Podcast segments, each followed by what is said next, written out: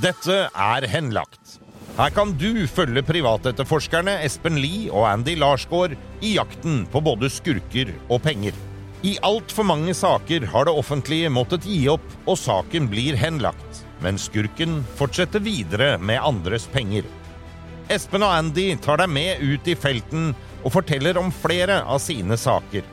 Med i studio er jeg, Stein Johnsen.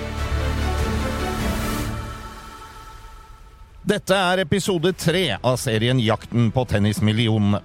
Har du ikke hørt de foregående episodene, så bør du gjøre det. Da blir det langt enklere å forstå hva som skjer.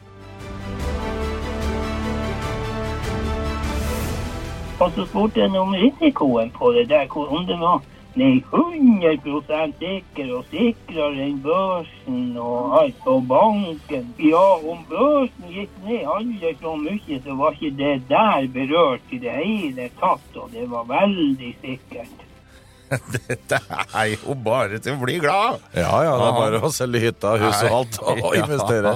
Det er bedre og sikrere enn børsen. Og en helt nydelig kar fra nord i landet. Velkommen, Espen. Takk, takk. Deg og Andy. Takk, takk. Og dette var altså en eh, kar, en pensjonist. Han ville ikke at vi skulle bruke navnet hans, men han var med og investerte penger i denne som vi kaller da jakten på tennismillionene.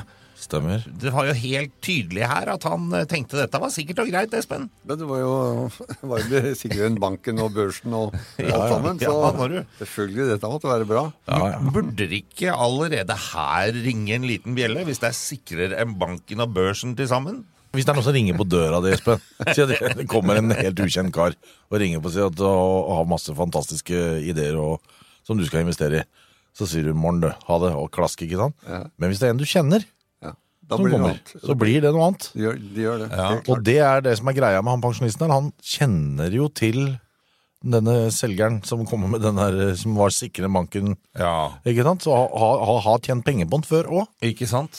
Og bare for å recappe det bitte lite grann, så er jo dette en greie hvor de starta opp et firma, disse tre tennis-norgesmesterne vi har snakka om, hvor de skulle ta litt fra de trafikkskaddes utbetaling i Canada.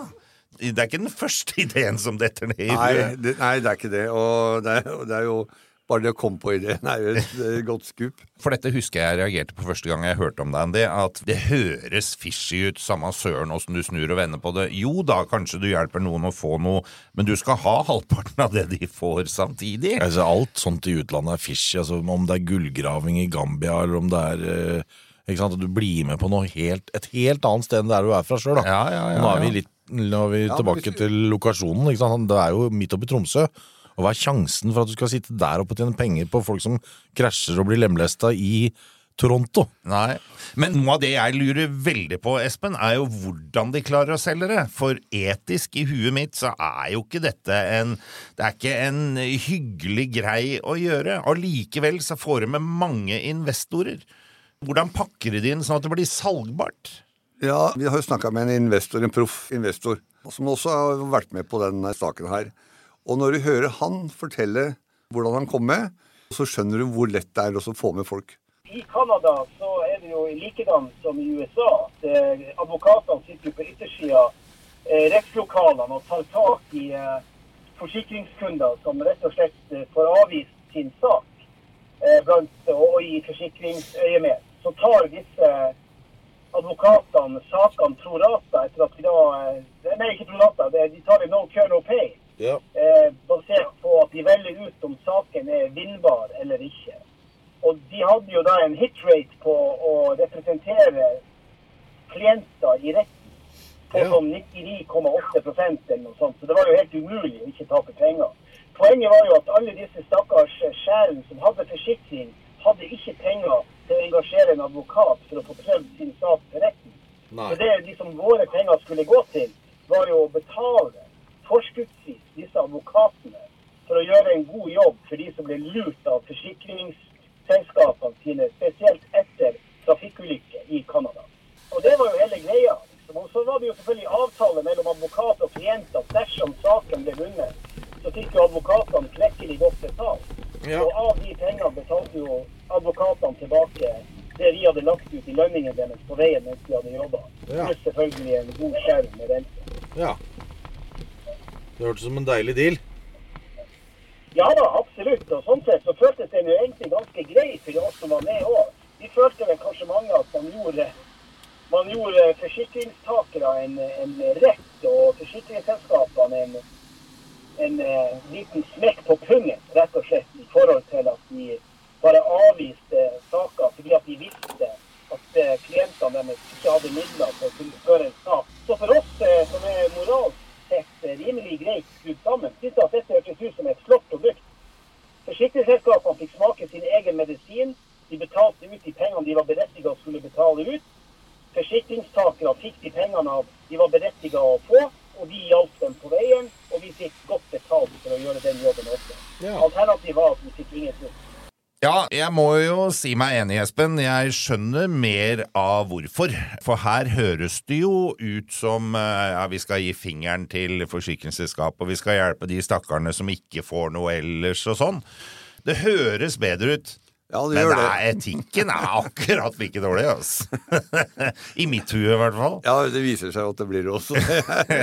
Men eh, ja, her kan du tjene penger, da. Det går litt på den. Ja. Sett inn så og så mye, så får du så og så mye hvert år. Ja. Det er, selvfølgelig er det fristende, og samtidig som du hjelper da de som ikke ville fått eh, hjelp fra forsikringsselskapene sine. Bare sånn for at folk kan forstå det litt. Trafikkskadde. Det er eh, et annet land. I Canada så er det sånn, og i USA for, denne, for den saks skyld, så har du alle, alle sammen har en eller annen form for forsikring. Ja.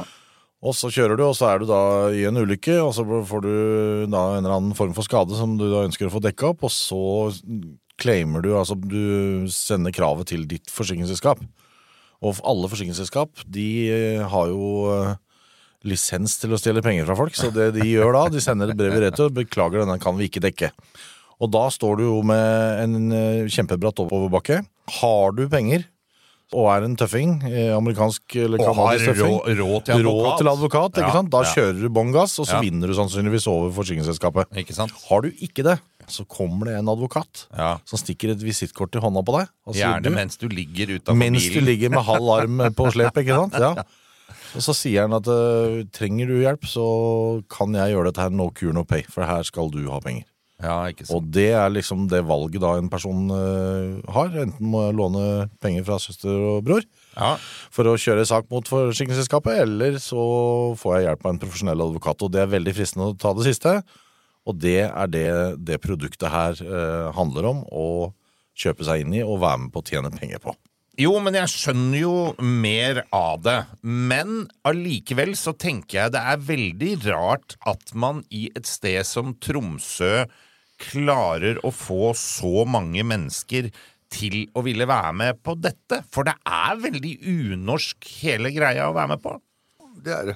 Ja. og, og, men, det men det går på at her er det en eh, av disse gutta som eh, kommer i kontakt med en der oppe, som har et bra nettverk, og har brukt dette her. Han er jo eh, kjent fra før og har gjort noe av noe av det samme, men eh, som Han har drevet med investeringer og sånn for folk og hjulpet folk med det før. for, for et firma han har jobba for. Akta gjør han det. Akta var det, Han ja. jobba jo som megler i Akta. han. Ja, og da har du sinnssykt med kjente personer som du kan, du gå til. Du vet at Gunnar har penger, Leifen har penger. Så du går til de, og så, og så sprer det seg selvfølgelig. Dette her gjør jo at jeg tenker Nå har vi vært gjennom en del saker her, gutter. Det er samme systemet, liksom. Det kommer inn en eller annen stråmann eller hjelper som har et eget lokalt nettverk, og det er veldig likt visse andre ting vi har vært Ja, borti. altså det, jeg kan, hvis jeg kan få lov å uh, si et par ord i dag, jeg også. Ja. Oi! Vi tar den i dag, ja. Jeg skal bare si en uh, ting til den der skurkeskolen som du drømmer om å etablere. ikke sant? Det er at hvis du finner et sånn type produkt, et eller annet fantastisk, da, ja. Så ringer du til eh, Bergen, Tromsø, Stavanger osv., Trondheim og sånn, og så finner du da den der ene stråmannen per sånn by, og så lager du sånn hallelujamøte på Geilo eller et eller annet sånt, med disse menneskene, og så går de ut og er selgere for deg. Og det er jo det som har skjedd her i Tromsø. Han kommer fra Akta-systemet, ja. og uh, har da forvalta penger for folk i byen før, så han uh, selger jo dette relativt enkelt inn til, til eh, både venner og kjente og hyttenaboer og alt mulig rart. Og derav klarer han å skaffe så mye penger på så kort tid. Ja, for det er jo veldig mye penger som skaffes inn her på relativt kort tid. Det er jo det er helt vanvittig, og det er klart at når førstemann får de 16% ikke sant? Det er jo det som er gulroten, da. Så hører jo naboen om det, og så hører neste nabo om det. Og til slutt så blir det hallelujastemning i Tromsø, og varmt, og det, alle går i shorts. Og du snakka jo med denne pensjonisten som vi hørte innledningsvis, eh, Andy, om eh, hvordan han kom inn i hele saken, gjorde du ikke det? Må ha vært meg. Jeg må ha Ja, vært ja. deg. Det som hele verden har lyst til å vite, er hvordan i all verdens land og rike har én person klart å lure så mange mennesker for så mye penger. Hvordan blei dette presentert for det, til deg for, på første gang? Altså første gang du hørte om det, da? Ja, nei da, vi, eh, hadde jo eh, Vi hadde jo en del eh, aksjer i fond i et selskap som heter Akta i, før i tida. Ja, ja, ja. Det gikk nå bare opp og ned, og noe tap og noe eh, gevinst på. Så det gikk jo nokså bra. Vi tapte nå litt der, egentlig. Men så var det jo han, eh, han Steinar Mudner som var sånn rådgiver for oss. Vi ble jo kjent med han i Akta. og så gikk nå han av med pensjon, og så begynte han med Han hadde jo eget firma og, og drev på med sånne investeringer og sånn. og og eh, vi hadde jo hatt han som rådgiver i Akta, og det var ikke noe galt med han der. Nei.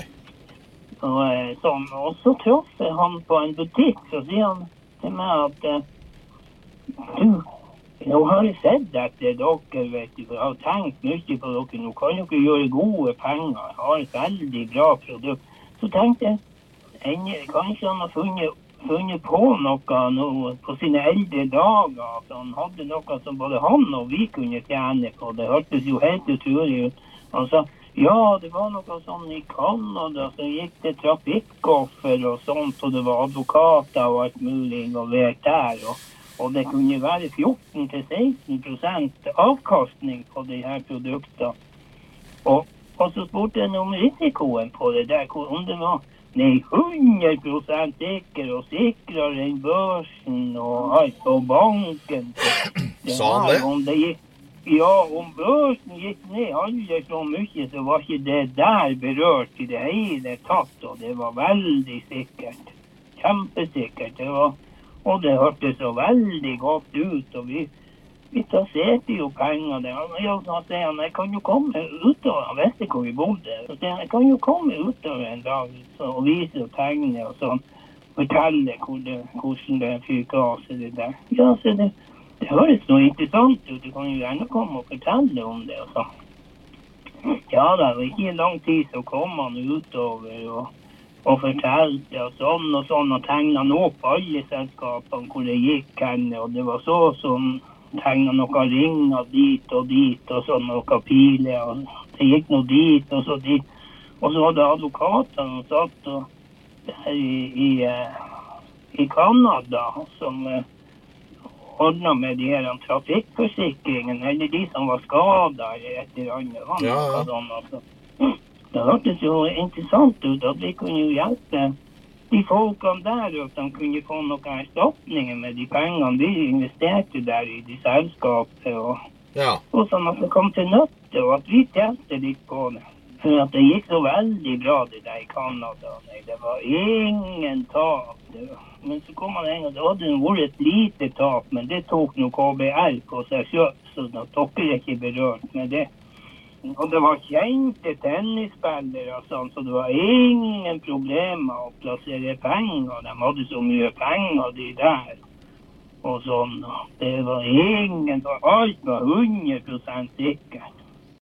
Ja, det er noe med den herre biten når han sitter på slutten der og får vite at ja da, gutta har masse penger, så her kan det Skulle det oppstå noe, så har du liksom følelsen av at det går bra likevel. De Ja, det- gutta det- åpner egne lommer, de da, liksom. Ja, det er, det er jo det han sier. Ja. Og selvfølgelig, da, da begynner å tenke de at ok, det er jo ikke noen risiko i det hele tatt. Nei, Da, Hvis, hvorfor trenger de penger da? Nei, det er, nei, det er akkurat det du kan eh, stille spørsmålet tilbake. Hvis de har så mye penger som han eh, utgir seg for og kan dekke opp alle de investorene som har gått inn her, så behøver du ikke ha lånt de penga. Nei, ja. og jeg skjønner jo at uh, han her har lyst til å investere. Det er jo det er en pensjonist som hadde litt penger, dette her, som han hadde lyst til å få til å yngle enda litt mer. Ja, og så hadde han jo tjent penger på Steinar Myrland før, i Ja, ikke akta. sant? Ja. Så det, er jo, det handler jo om tillit og relasjon, Ja. og det har gått bra før. Nå er Steinar Myrland blitt pensjonist, ja. Og skulle da begynne, som du hører, tjene penger litt på si, og da ville jo disse være med, for dette var en profesjonell investortype som, eh, som hadde fartstid fra finansbransjen, og som også selger inn det, at de har lov til å holde på med dette fra Finanstilsynet. Og at han skal være med å investere i greiene sjøl også. Ja, han sier det, og eh, det kommer jo også fram at han, eh, både, både han og kona er med på det her. Ja. Så når de går med på dette, da er jo bankers Ja, Det er lett å si sånt, og så har de relasjon, og så sier han liksom Jeg tar ikke dette på Tromsø-dialekt, for det, det har jeg fått kjeft for siden sist. Så vi tar det på vanlig Ta det på vanlig- vanlig, vanlig dialekt, ja, ja. Det er eh, så nær relasjon at de vet hvor hverandre bor. Ja, det kommer ut til deg. ja. Dette er ikke et møte på en kontor, dette er liksom hjemme, og da kaffen Jeg stikker hjem til deg, altså. så Ja, ordner du kaffe og litt kaker. så kommer rullekaka og sånn popper, ikke sant? Ja. Ja, og det, det, det blir så nære relasjoner at uh, den delen som heter due diligence og sånn, den er gone. Men dette er jo disse litt private investorene, som ikke er profesjonelle investorer, da. Dette er folk som har spart penger gjennom et langt liv, bygd seg opp en liten buffer som de ser nå muligheten til å kunne øke. Å få med de er kanskje enklere enn å få med de proffe. Ja, både og. Ja. ja I teorien, ja, så, så er de lettere å få med seg. De proffe er, eh, de går jo og undersøker litt. De går og finner ut hvem eier firmaet, hvem står bak, hva gjør de, hva har de gjort før. Ja, Ikke Og så er de gjerne allerede etablerte ting, de har liksom sine greier, og så får de tusen tilbud om alt mulig rart. Ja. Og hvis det da plutselig kommer en sånn gang gullgraver fra Kongo, Ja. så er ikke det så interessant, liksom, fordi de, de, de skjønner lunta, de fleste av de. Ja. Men det er klart, eh, det var én profesjonell her som eh, blei med på allikevel. Eh, Det er jo måten eh, Myrland eh, kommer inn på de ulike menneskene, forteller en historie som ikke er sann. Eh, Folk biter på, og, eh, og, og alle sammen eh, blir lurt. Og felles for alle sammen er jo at alle sammen kjenner Steinar godt fra før. Til å være nesten for godt til å være sant. I forhold til det som da var eh, tilbudet fra Steinar med 16 eh, rente, 100% sikkert, etc., etc., så sendte jeg dette videre til eh, en bekjent av meg som sitter i finansmiljøet sørpå. Og han eh, sjekka da opp om hvorvidt KBR var et uh, selskap uh, som det kunne lyse en viss grad av troverdighet av. Uh, det gjorde de jo ikke. I den anledning så satt Steinar oss i kontakt med en av disse direkte. Det var ikke han eh, kuken i Sveits, men en av de to andre. Hvem da? Eh, Det var nok ikke av tennis, men eh, han tredje, Ola Bensen? Ola Bensen, Ja. som da snakka veldig godt og varmt for sin syke mor, og kunne da fortelle om at den ene tingen og den ene revisoranmerkninga, og at den ene revisor etter den andre hadde jo hoppa av, og regnskapsføreren hadde eh, kasta kortene og i det hele tatt. Så var dette da eh, jeg må si, Selvfølgelig eh, Der var det jo helt uskyldig. Men jeg må si for vår del, og for mitt og min kompanjongs del, så var det egentlig Det hadde egentlig lite å si. For dette gikk jo på nærmest en vennskapelig troverdighet mellom Steinar Myrland og, og oss. Som på samme måte var mellom Steinar Myrland og alle de andre som er involvert Sånn. Ja. Steinar Myrland har jo en lang fartstid som eh, finansiell mann i eh, Tromsø og omegn, og tok jo for seg gamle kunder som han kjente godt fra før, og som han sikkert hadde en god tone med. Og for mitt vedkommende, vårt vedkommende, så var jo Steinar også hyttenabo til min kompanjong. Så de hadde jo en del å gjøre med hverandre. Og det er jo felles for mange og mye av kapitalen Steinar har henta inn. Det er jo at denne stammer fra sine nære venner og bekjente blant, og i hyttelandskapet oppe på Kilpis i Finland, Lappland. Ja. Ja, ja, ja. Og Steinar selvfølgelig bedyrer jo en fullstendig Visste ingenting ifølge han om at KBR ikke var et helt stuerent eh, selskap. Hvilket er ganske rart når man ser for seg Steinar Myrlands historikk i eh, finansmiljøet i eh, Tromsø. Så hvis det var noe han skulle ha peiling på, og en oversikt over, så måtte det jo være hvordan den, eh, si, den formelle tilstand var på det selskapet han sjøl representerte. Ja. Og det da sa vi jo til Steinar at her, eh, dette lukter ikke bra. Da ble vi invitert hjem til Steinar, hjem i hans egen leilighet. Bare for å vise oss alle de dokumentene som han hadde som kunne bevise at dette var 100 sikkert. Altså, her tenker jo jeg hvor- godt bevis dette er på hva personlig eh, forhold har å si. Hvis du kjenner en fyr, så overgår det at du kjenner han eh, selv reine analyser. Han hadde altså sendt hele greiene ned til kontakter i Oslo. De sjekker KBR-firmaet, finner at det er ikke bra i det hele tatt, så han burde jo ikke gå inn. Og han er proff.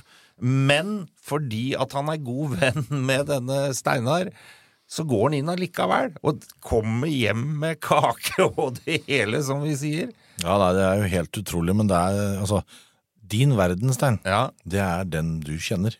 ja det er jo det. Ikke sant? Det, og det er din hele verden, om det er ti mennesker, om det er hundre eller tusen. Noen har jo et stort kontaktnettverk, og andre har mindre.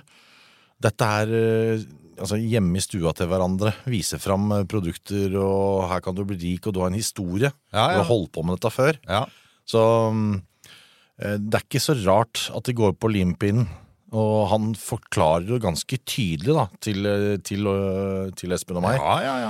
Der vi sitter og gjemmer oss under brua på E18 eh, i en regnværsdag, som dere hører. Kjører biler forbi og alt mulig, men uh, det handler bare om det. Og da, selv han, som du sier, profesjonell, han bare Ja, ok, da, da er det greit, liksom. Det For er, altså, det burde jo ringe mer enn én bjelle for en proff investor, Espen, når han hører at revisorer hopper av, og flere av dem til og med. Da er det jo Da er det et eller annet gærent. Ja, det tror jeg alle kirkeklokker i Norge burde ha ringt. Ja. Det er i hvert fall helt sikkert. Og, men eh, ikke sant, han har da sannsynligvis et godt forhold til eh, Steinar Myrland. Ja. Og eh, føler at ok, man har råd til å tape de pengene eller som et utgangspunkt når han først da skal ta en sjansen. da. Ja, ikke sant? Eller skal vi si vi tror han hadde et godt forhold til Steinar Myrland. Det er kanskje ikke så godt lenger. Nei, det hører jo at det ikke er. og det hadde vært smart og spurt. Ikke sant? Både Steinar sier at han selv har gått inn nå med kone og alt mulig. Ja. Da ville jeg i hvert fall bedt om å få se det. Ja. Får jeg se at du har gått inn, så Ja. skal jeg være med. Ja. Ikke sant? Hvis det, det er bare sånn småsjekk som det. Da. Det er en del av en, en due diligence. Og, Og det, det- er lurt. Ja, ikke sant? Og hadde de gått inn der, da, så hadde du jo sett at de faktisk hadde gått inn. For de var jo inne med penger der, de også. Og så er det jo én ting til, og det er jo at i tillegg til dette her med det personlige forholdet og at man har kontaktnettet, så dukker det plutselig opp litt penger òg, vet du. Noe av det du har investert og er blitt lovt at det skal komme en avkastning, så detter det plutselig inn litt penger på kontoen. Dette her kan sammenlignes med fisking. Du går og investerer i en stang og, og litt meitemark og litt sånn. Litt meitmark. Og så kaster du ut, ikke sant? Napper det ikke, så er det ikke så gøy å komme tilbake igjen. Nei. Men er når den der svære laksen henger på, så blir det gøy. Og det er det som skjer når du får 16% på konto. Ja, ikke sant? Så det er Uber-ponzi, som det heter. Det er bare ponzi. Ja. Du blir fortalt en historie, og du er litt usikker på om den stemmer. Så tør du være med, du er nervøs og sitter der i flere dager, og så kommer fader meg pengene. Ja, og da er jo huset til salgs og hytta og bilen og båten og alt. Ja, det er all in, ikke da? Det var jo som han sa! Ja. Eh, og selv om man har hørt at eh, og begynner å ane ugler i mosen Ja, men det kommer jo penger. Skal jeg være med, da? Da blir jeg med mer, da. Det er selvforsterkende svindel. Du tror på det den dagen du får litt penger tilbake, og da, det er da, som Espen sier, da går du all in. Ja. Så la oss høre litt mer på hva han eh, pensjonistvennen vår eh, opplever videre. Og det gikk jo bra en stund. Vi fikk jo utbetalt penger. Uh, altså, vi fikk 16 Ja. av det vi investerte.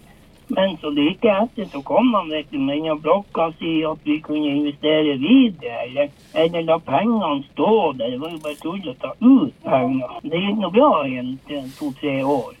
Men så kom han ja, med pengene, det trengte vi ikke å ta ut. For da trengte man ikke å skatte av det. Hvis vi tok det ut, så måtte vi betale skatt. Lenge sto inni der. Og så plasserte vi jo det, det vi fikk utbetalt i renta, det plasserte vi jo videre igjen ja, i andre produkter. For at da var det fullt på det og det. Så det het den noe annet. Blue Core Partner og Blue. Blue, Blue Kapital. Og, og det var så mye navn på de her greiene som kom med. Og det, alt hørtes så svært og så fint ut. Og han var jo en kjent, kjent eh, finansmann. Og, vi hadde investert alt vi eide og hadde, og enda tok lån. For det var jo bedre renta der enn om man tok et forbrukslån. Og, Ja, dette her har jeg egentlig aldri tenkt på, Espen. For det er når de begynner å betale penger tilbake igjen, som du får igjen denne her lille altså Ponzi-effekten dere snakker om, da, Ja. så er jo det kanskje en veldig lav risiko for eh, skurken her. Fordi når jeg får tilbake det, så tenker jeg ja, men da kan jeg jo bruke de og investere òg. Ja, det er det du gjør. Og, Ja. og, og pluss da har du litt ekstra på bok, så tar du med det også. Ja. Og så har du et billig lån på huset, så kan du legge på litt der også. Det er jo sånn det er, ikke sant? Ja. Altså, du får tilbake, de viser tillit med å, å gi deg den prosenten som de har sagt at du skal få. Ja, visst. Og så tenker du at fy faen, tenk hvis jeg da hadde hatt enda mer penger og så og så mye. Tenk hvor mye jeg kunne fått da. Jeg har bare aldri tenkt på det på den måten, for da er det jo, det er jo en veldig lav risiko for skurken å betale de 16% Ja, og så og er ikke Tromsø et sånn isolert lukka samfunn heller, så det er klart at det begynner å spre seg. Ja, ja. Og bare vent dere bergensere, for der får dere snart uh, høre om eh, 200 millioner som er blitt flytta inn i systemet her. Så vi skal litt rundt omkring i landet og hilse på folk som har eh, blitt lurt av disse folka. Ja. Ordentlig på det eh, vi kaller da for ponzi-scam. Altså tenk på den der eh, enkle forklaringen fra en som driver med ponzi. Ja, Tar du ut pengene, så må du skatte av dem, vet ja ikke sant? Ja. Så hvis du lar den gå inn igjen, så får ikke skattefuten tatt pengene dine, ikke sant? Og så, som Espen sier, ikke sant? da må du ha med litt ekstra, og da, da dropper du den garasjen du skulle bygge, ikke sant? og legger inn et par 300 til, Ja. og så tar du med søstre og bror. Varmer et inve- investorhjerte, det der. Ja, det varmer i hvert fall mottaket. Vanvittig, så Men én ting jeg har lyst til å si før vi avslutter i dag. Ja. Det er jo en konsekvens her, da. Det er jo det, og så veit vi jo egentlig allerede at dette går jo ikke så bra. Det går veldig dårlig. Hvor dårlig går det? Kommer du med kattematen din igjen nå? Kattemat? Ja, du kommer stadig med kattemat når det er dårlig råd. Ja, men det har de ikke råd til. Vi er der, ja. Ja. Nei, det Ja, er, dette er det ikke bra. Nei, det er, altså, det er helt ned på De, de, de forteller at det det er et par, et eh, pensjonistpar. Ja. De legger jo på pålegg på brødskiva, men så tar de det av igjen. Det er bare sånn for å ha sett at det har vært noe på. De, de eh, smører på kaviar, ja. og så skraper de av så mye de kan, men da er det i hvert fall litt lukt og litt farge på den brødskiva. Det er helt vanvittig. Gud. Og dette er jo ekstra kjipt når det er pensjonister, Espen, som liksom har brukt de siste penga som de skulle leve og kose seg for på slutten. Helt riktig. Og nå går de på, eh, på, på velferden og henter matkasse for å kunne overleve og få mat. Og mer om det tar vi neste uke. Takk for i dag, gutter. Vi høres igjen. Denne podkasten er produsert av Big Dog Media for Henlagt AS. Redaksjonelt ansvarlig for denne episoden er Gustav Jansen. Produsent Stein Johnsen. Alle navngitte parter har blitt gitt muligheten til å uttale seg. Så langt er det flere som ikke har ønsket å gjøre det.